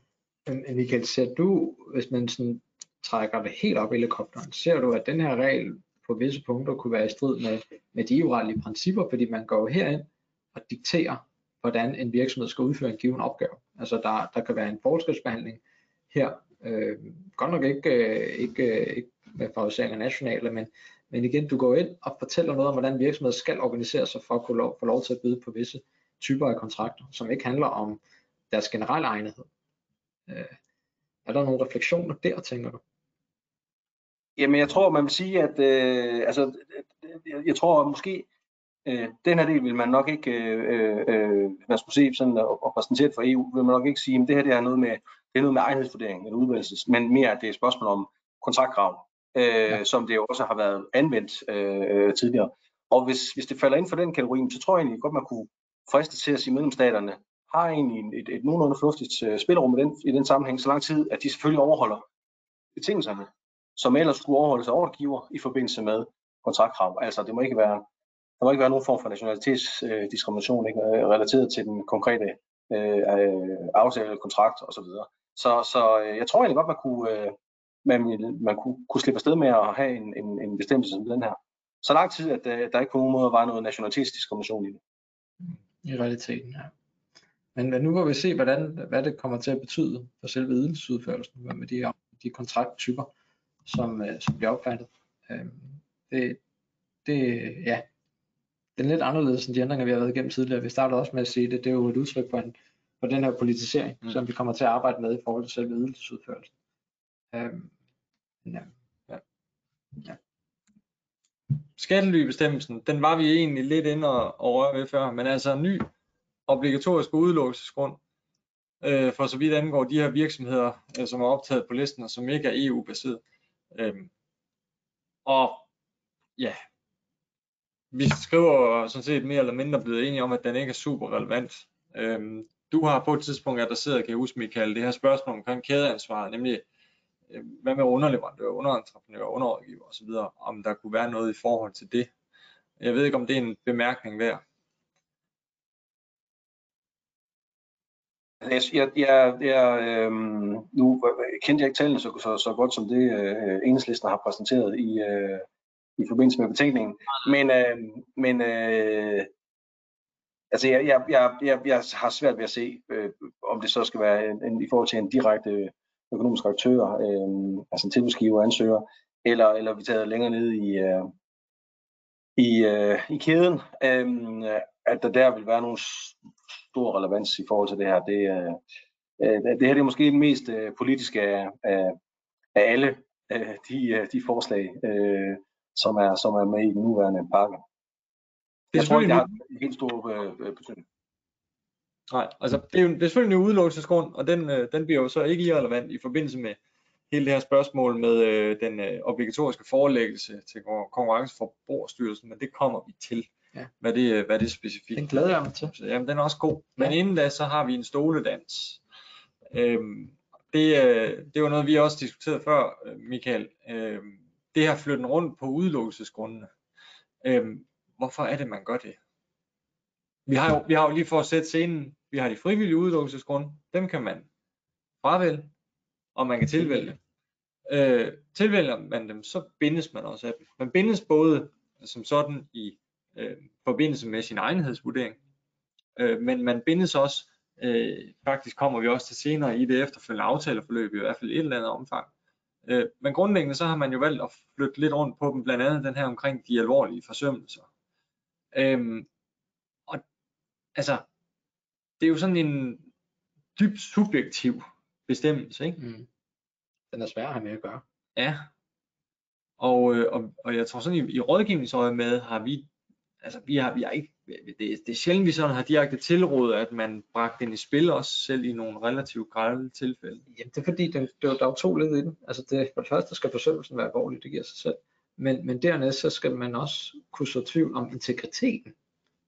Altså det, det uh, hvornår, ja. hvornår, altså det er jo sådan en regulært bedrageri eller andet, men hvornår, hvornår har man ellers øh, øh at tale gøre med en forsømmelse, som, som sådan tvivl om noget integritet, det lyder sådan meget voldsomt. er det der, vi skal ind. Så, så den er stadig sådan lidt, lidt fluffy, nu har vi den så under obligatorisk, og så tvinges vi til at sådan tage stilling til den. Ja. Men Hvad tænker du om den, Michael? Jamen, øh, altså, det, det allerførste, øh, jeg tænkte på, da, da jeg så, at man havde, man havde tænkt sig, at man, den skulle flyttes op i, i paragraf 136, det var, at øh, øh, hvorfor lige den? Øh, for nu, vi har jo tre placeret, som, øh, som i, i øh, på direktivniveau er frivillige, som så er blevet gjort obligatoriske. Og de tre, øh, det, det er jo blandt andet det her med, med hvis der er en, øh, en øh, interessekonflikt, øh, så siger man så, så, så skal man øh, mellem ordregiver og en, og en tilbudsgiver, så hvis ikke man kan løse den interessekonflikt ved at fjerne en person eksempelvis i ordregiver, således at der ikke er nogen, længere er nogen interessekonflikt, og man kun har tilbage at fjerne virksomheden fra udbuddet, altså udelukke den pågældende virksomhed, så skal man gøre det. Og man kan ikke gøre det, fordi vi kan ikke tillade, at man bliver ved med at have en virksomhed, som med, øh, medfører, at øh, ligebehandlingsprincippet er, er overtrådt. Så der skal man udelukke den. Og det havde man af en eller anden årsag på EU-planen vurderet, at det var, det var noget, øh, det var obligatorisk, eller det var, det var fakultativt, altså frivilligt, om man vil gøre det. Den er så lagt over sammen med to andre i paragraf 136, fordi det giver mening, at vi kan ikke have en proces, hvor, hvor vi lader nogen blive, hvis de, hvis de over, hvis det medfører en overtrædelse af ligebehandlingsprincippet. Så de bliver fjernet fra det frivillige til det obligatoriske. Men den her har jo ikke det samme præg. Altså der er jo ikke, det er jo ikke sådan, at hvis der sker en overtrædelse her, at vi så siger, at nu har vi ødelagt hele udbudsprocessen, nu må vi starte forfra, eller der er en klar overtrædelse af ligebehandlingsprincippet. Øh, det er jo ikke det, der er tilfældet her. Så, så, så jeg har svært ved, og jeg heller ikke kunne finde i lovbemærkningerne, en grund til, at man har taget lige præcis den her bestemmelse af dem, der er tilbage i det frivillige, og så lagt den op. Øh, og nu henviser også til, til, til, til nummer 5 i paragraf 137, altså den her med tidligere væsentlig misligholdelse. Øh, for det første er der et samspil mellem de to bestemmelser, altså den her nummer 3 og så nummer 5, ja. der gør, at nu har vi en obligatorisk, som, som øh, kan overlappe med en frivillig, og, og hvad er hvad, og hvornår skal vi, øh, skal vi så, skal vi udelukke, eller kan vi udelukke i, i situationer, hvor der kunne være et overlap. Men også, Men, hvorfor er det så ikke nummer 5, man har valgt at tage op i stedet for, eller sammen med, hvis det var. Så der er mange spørgsmål i det her, som jeg ikke, som jeg ikke synes giver mening, og, og lovbemærkningerne giver intet svar i den sammenhæng. Så, er det øh, tænker du? Ingen til? Det er en politisering? Er der, er der ja, og, og, og, og, hvor der har været politisering i, i mange af de andre temaer, som vi har talt om, og der kunne man godt uh, sige, at det, det, det kan vi se, fordi der er nogle politiske mål, der er noget med noget grøn, øh, øh, øh, vi skal varetage de, de grønne hensyn, der er noget med nogle, noget, noget oplæring og lærling og så videre, skattely, der skal undgås. Men hvad er det her? Altså nogen, der ikke opfører sig ordentligt, jamen det er jo klart, men det, det handler de andre også om. Der er jo ikke, der er jo ikke sådan et eller andet øh, tungvejende politiske tema her, som, som bliver tilgodeset ved, at vi flytter den til pakker 136. Så jeg, jeg, jeg må være ærlig, jeg kan ikke rigtig se, hvorfor man har valgt at gøre det, og for mig medfører det måske bare noget mere bøvl. Øh, ja. Jeg har nogle afgrænsningsproblemer, og den er, som I, som I fuldstændig korrekt siger, den er, øh, den er svær at bruge. Øh, der er nogle begreber i det. Øh, integritet, hvad, hvad er nu det for noget? Øh, altså, hvordan, hvordan skal vi vurdere det? Det er, ikke, det er ikke helt så let som, som mange af de andre obligatoriske udlevelsesgrunde. Så Nej, øh, jeg er ikke imponeret. Hvis Nå, nej, det, det er mere også, som man siger, er det politisk, det kan godt være, at det er politisk, men så er det ikke særlig skarp politisk kommunikation, fordi det er jo de underliggende forsømmelser, der er det politiske. Altså der skulle jo være en eller anden form for forsømmelse, som man knytter det op på, som, om det var det grønne, eller om det var sociale klausuler, eller om det var skattely, eller hvad det nu måtte være. Men det er jo dækket ind allerede af andre udlåsesgrunde, så på den måde synes jeg også, at den, er, den, den, den ved ikke rigtig, hvor den skal være. Og jeg synes også, at i de sager, vi har haft, hvor vi for eksempel har øh, er skrevet til ophævelse af en kontrakt, forud for en ophævelse ligger der en væsentlig misligeholdelse. Øh, typisk er den væsentlige misligeholdelse af en sådan alvor, at man jo tør skride til ophævelse. Man har vurderet, hvad er risikoen for, at der kommer nogen løbende efter os med et erstatningskrav, fordi man har taget deres indtjening fra dem på den kontrakt. Og derfor, når man så ender i ophævelse, så er det typisk, fordi det er så alvorligt, måske endda også politisk, at det også normalvis vil falde over i, øh, i den her alvorlige forsømmelsesbestemmelse. Så jeg synes, som du siger, afgrænsningsbøvlet er en lige så stor del af det her, hvor man kan sige, jamen, bliver vores væsentlige misligeholdelsesbestemmelse, bliver den egentlig opslugt nu af en mere obligatorisk. Og, og lad os bare også erkende de her udelukkelsesgrunde. Vi så det også øh, med en sag omkring øh, hvad hedder det, konkurrencebegrænsning efter konkurrencelovens paragraf 6. Det bliver også brugt som instrumenter. Den tilbudsgiver, som er sur nummer to, som gerne vil have losset nummer et af pinden, har muligvis et instrument i kassen, fordi det handler nogle gange om egentlig bare for ordregiver til at ryste nok på hånden til at sige, hår, jamen så aflyser vi. Det er, jeg ved sgu ikke, om det er A eller B, vi skal gå med. Bord nummer et her, som følge af manglende integritet, har været losset ud. Det kan godt være, at pressen skruer op over for den her aktør, men det kan godt være, at aktøren som sådan øh, ved en, en, en dommer vil, vil, vil slippe. Øh, og, og der tænker jeg bare, at det her, den her usikkerhed kan jo altså også instrumentaliseres og våben gør, så at sige, af en skuffe to. Det er rigtigt, men, men alle de her regler om udelukkelsesgrunden, de syrer over i self-cleaning. Og heldigvis, så får vi her et redskab til at hjælpe os, eller hvad? Og det kommer vi til nu. Ja, fordi det vil Ja. jeg gerne have, vi noget, der, der er ikke så voldsomt lang Det tid er også rigtigt. tilbage. Ja. Øh, men, men, Ja. du ved, Først self-cleaning. Vi Ja. maksimerer udelukkelsesperioderne 4 til 5 år øh, for de obligatoriske og 2 til 3. Det er hvad vi kan inden for rammen af, af direktivet. Og så kommer den her obligatoriske forelægnings, forelæggelsesordning ved Konkurrence- og den er spændende. Og den handler egentlig fundamentalt set om, man har som ordregiver en proces, der kommer en, øh, en, en række tilbud ind, og så bliver man af den ene eller anden øh, omstændighed bekendt med, at der muligvis er en, en aktør, som, øh, som er omfattet af en udelukkelsesgrund. Øh, vi har set det i Atea-sagen eksempelvis. Og der aktiverer det jo en proces. Øh, man skal som, øh, som den her økonomiske aktør have mulighed for at blive hørt. Har man renset sig selv for sine synder? Har man lavet den her self-cleaning proces enten ved at ændre i nogle interne processer, ved at losse de medarbejdere ud, som måtte have forbrødet sig imod det ene eller det andet? Og, øh, og så kommer man jo med sin redegørelse, og så skal ordregiver kigge på den, og så kommer ordregivers dom. Øh, er de med, eller er de ude? Og det er så det. Den vurdering er svær. Men heldigvis har vi Konkurrence- og Forbrugerstyrelsen nu, som er kommet os til undsætning. Ikke også, Michael? Fordi nu er der pligt. Der er pligt til at indsende det, man har fået, den her redegørelse, man får fra den muligvis, øh, hvad hedder det, salvede, øh, hvad hedder det, Tilbudsgiver. tilbudsgiver eller økonomiske aktør. Man skal aflevere de her oplysninger til Konkurrence- og Forbrugerstyrelsen. Man skal forelægge oplysningerne. Og så får man en vejledende udtalelse fra Konkurrence- og Forbrugerstyrelsen, som man ikke er forpligtet til at følge. Og hvad så? Hvad tænker du om det, Michael? Jamen, øhm, jeg ved ikke, hvor, hvor, hvor den er efterspurgt henne. Øh, altså man kan jo sige, ud fra et, øhm, en, et, et tilbudsgiverperspektiv, sådan alt andet lige, kunne man jo godt argumentere for, at, at man synes, det er, at det er svært at øh, operere blandt forskellige ordregiver. Fordi ordregiver har jo som udgangspunkt øh, sin egen tilgang til, hvornår, hvornår er, øh, øh, har man genoprettet sin pålidelighed, er man selv cleanet. Øhm, og der kan være forskel øhm, på forskellige ordregiver i den forbindelse. Og der kunne man måske godt, ud fra tilbudsgivers øh, perspektiv, sige, men så kunne jeg godt tænke mig, at der var en eller anden form for øh, ensartet vurdering af det her. Øhm, så, så, så det skulle være, nu, nu, nu har jeg så forsøgt på at præsentere det positive øh, syn på, på, på de her regler. Øh, det skulle så være det, der lå bagved et eller andet sted, for det er jo klart, at det er også præsenteret som, som, som en positiv, øh, et, et positivt forhold, en gevinst for, for ordregiver. Øh, det, det er måske lidt svært for mig at se, øh, umiddelbart. Øh, det er klart, at, at, at, øh, at det ville da være tilskrevet, hvis det skulle være positivt. Øh, øh, det, det vil jo, det vil jo øh, skubbe til processen. Øh, det, det, det, er jo, det er jo helt oplagt. Øh, og så, og så øh, kan man sige, jeg ved ikke helt, hvor, hvor, hvor, hvor stort behovet har været blandt ordregiver. Øh, fordi der er jo ikke noget i, øh, i øh, sådan det helt fundamentale, en fundamental vurdering af, hvad det er, hvornår man, hvornår man skal sige ja eller nej til en tilbudsgiver i forhold til stillklingreglerne, som har ændret sig i forhold til, at det er ordregiver, der skal træffe beslutningen.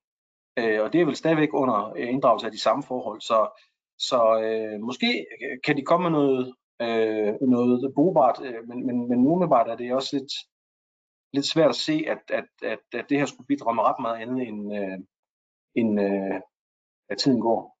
Altså jeg tænker, i hvert fald det der kan være fordelen, hvis vi tager det, i forbindelse med aktinsigtsafgørelser, aktinsigts anmodninger i, øh, i, hvad hedder, i modtagende tilbud mellem tilbudsgiverne, der kan man virkelig blive fanget i et krydsfelt øh, som ordregiver. Man kan virkelig blive en hund i et spil kejler, når man skal køre den ene høring på den anden, og man jo så enten skal vælge mellem at give agtindsigt i de her oplysninger, med den risiko, at der kommer en sur øh, vindende tilbudsgiver andre og siger, at jeg vil have erstatning for røbelse af mine hemmeligheder, eller bare for, gør, gør samarbejdet surt, eller på den anden side, at der kommer et klagenævn for udbud og siger, I kan ikke finde ud af at trække agtindsigtsafgørelser, ret det lige til, og så give oplysning her.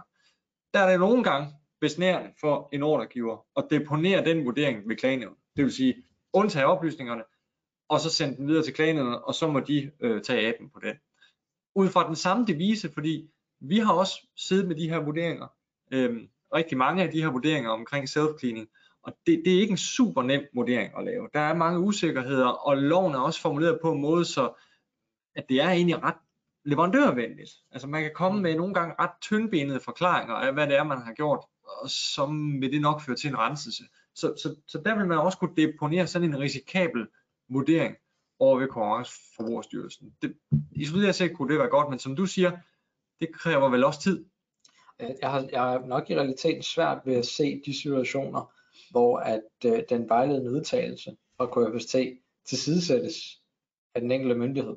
Ja. Så, så den, er, den er vel mere vejledende af navn end, end, end af navn eller realiteten. Fordi man vil jo sådan set bare tage den med ind, når der er nogen, der har vurderet det, og som, som du selv siger, så er der nogen, der har truffet afgørelsen for myndigheden. Hvad nu hvis den er forkert? Hvad nu hvis klagen tilsidesætter konkurrenceforbrugerstyrelsens vejledning? Hvem skal jeg så sagsøge? Og det kan, og det kan klagenævnet sagtens gøre, men igen, det er jo vejledende, så, så i sidste ende er det jeres ansvar. Ja. Øh, der er ikke rigtig nogen vej udenom. Øh, så, så selvfølgelig bliver man nødt til at beholde sig til det, som konkurrenceforbrugerstyrelsen har baseret sin afgørelse på. Er der objektive ting, som er forkert i den, så giver det sig selv. Det skal man slå ned på.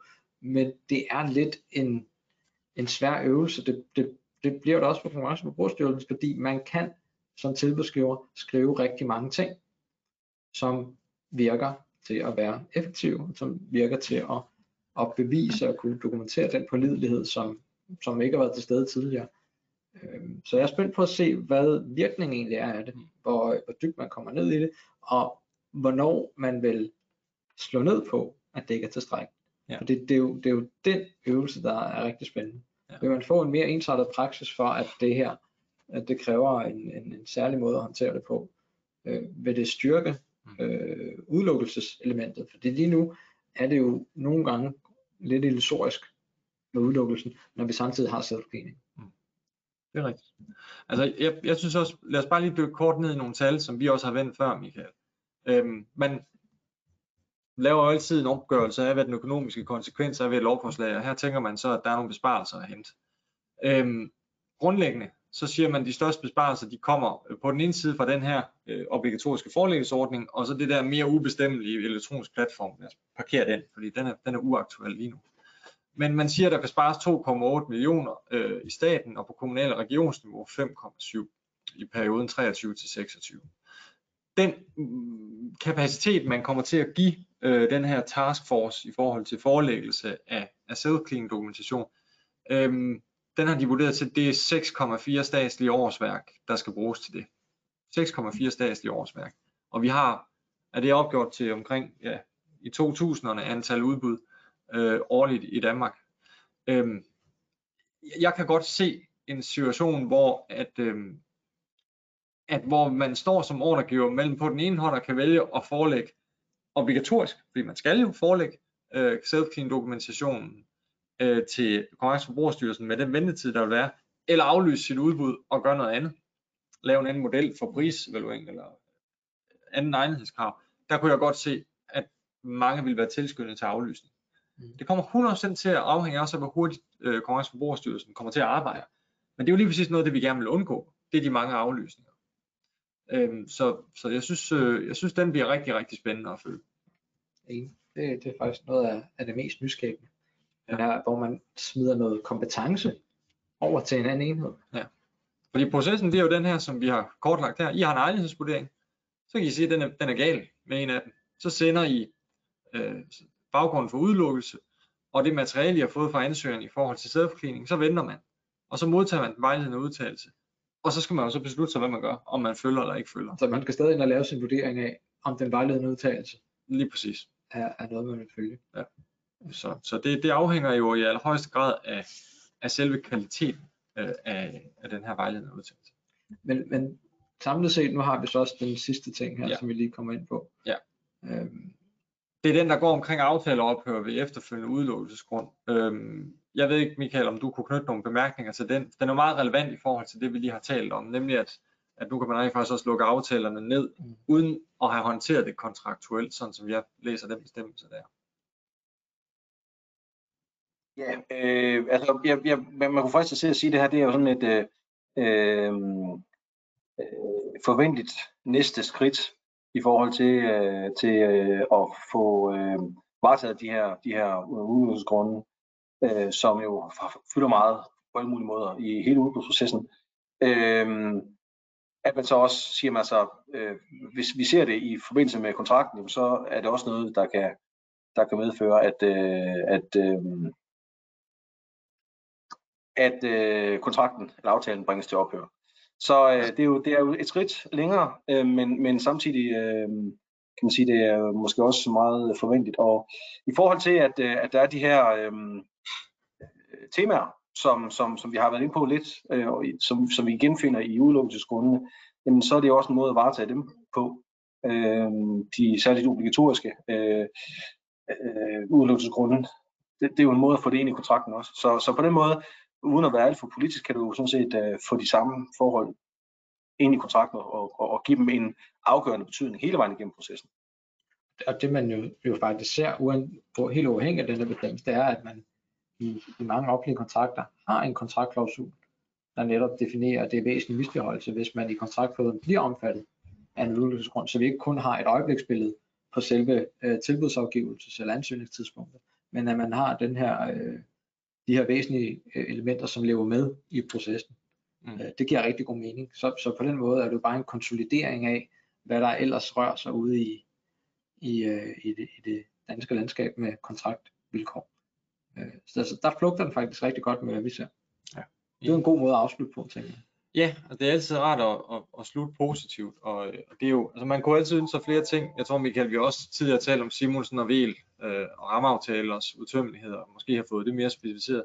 Jeg synes også for eksempel, man kunne have skærpet pinden på, på de dynamiske indkøbssystemer, og få forklaret processerne, de forenklede indkøb under dem lidt bedre osv., men, øh, men det er den pose bolcher, vi har fået nu, Øhm, og, øh, og noget af det bliver rigtig spændende at følge, og noget af det bliver formentlig fuldstændig ligegyldigt. Og så har vi jo selvfølgelig også heller ikke medtaget alle de sådan rent lovtekniske harmoniseringsforslag. Men der er ikke nogen tvivl om, at der er noget i de nye regler, som betyder en forandret proces, som man kommer til at mærke med det samme. Mm.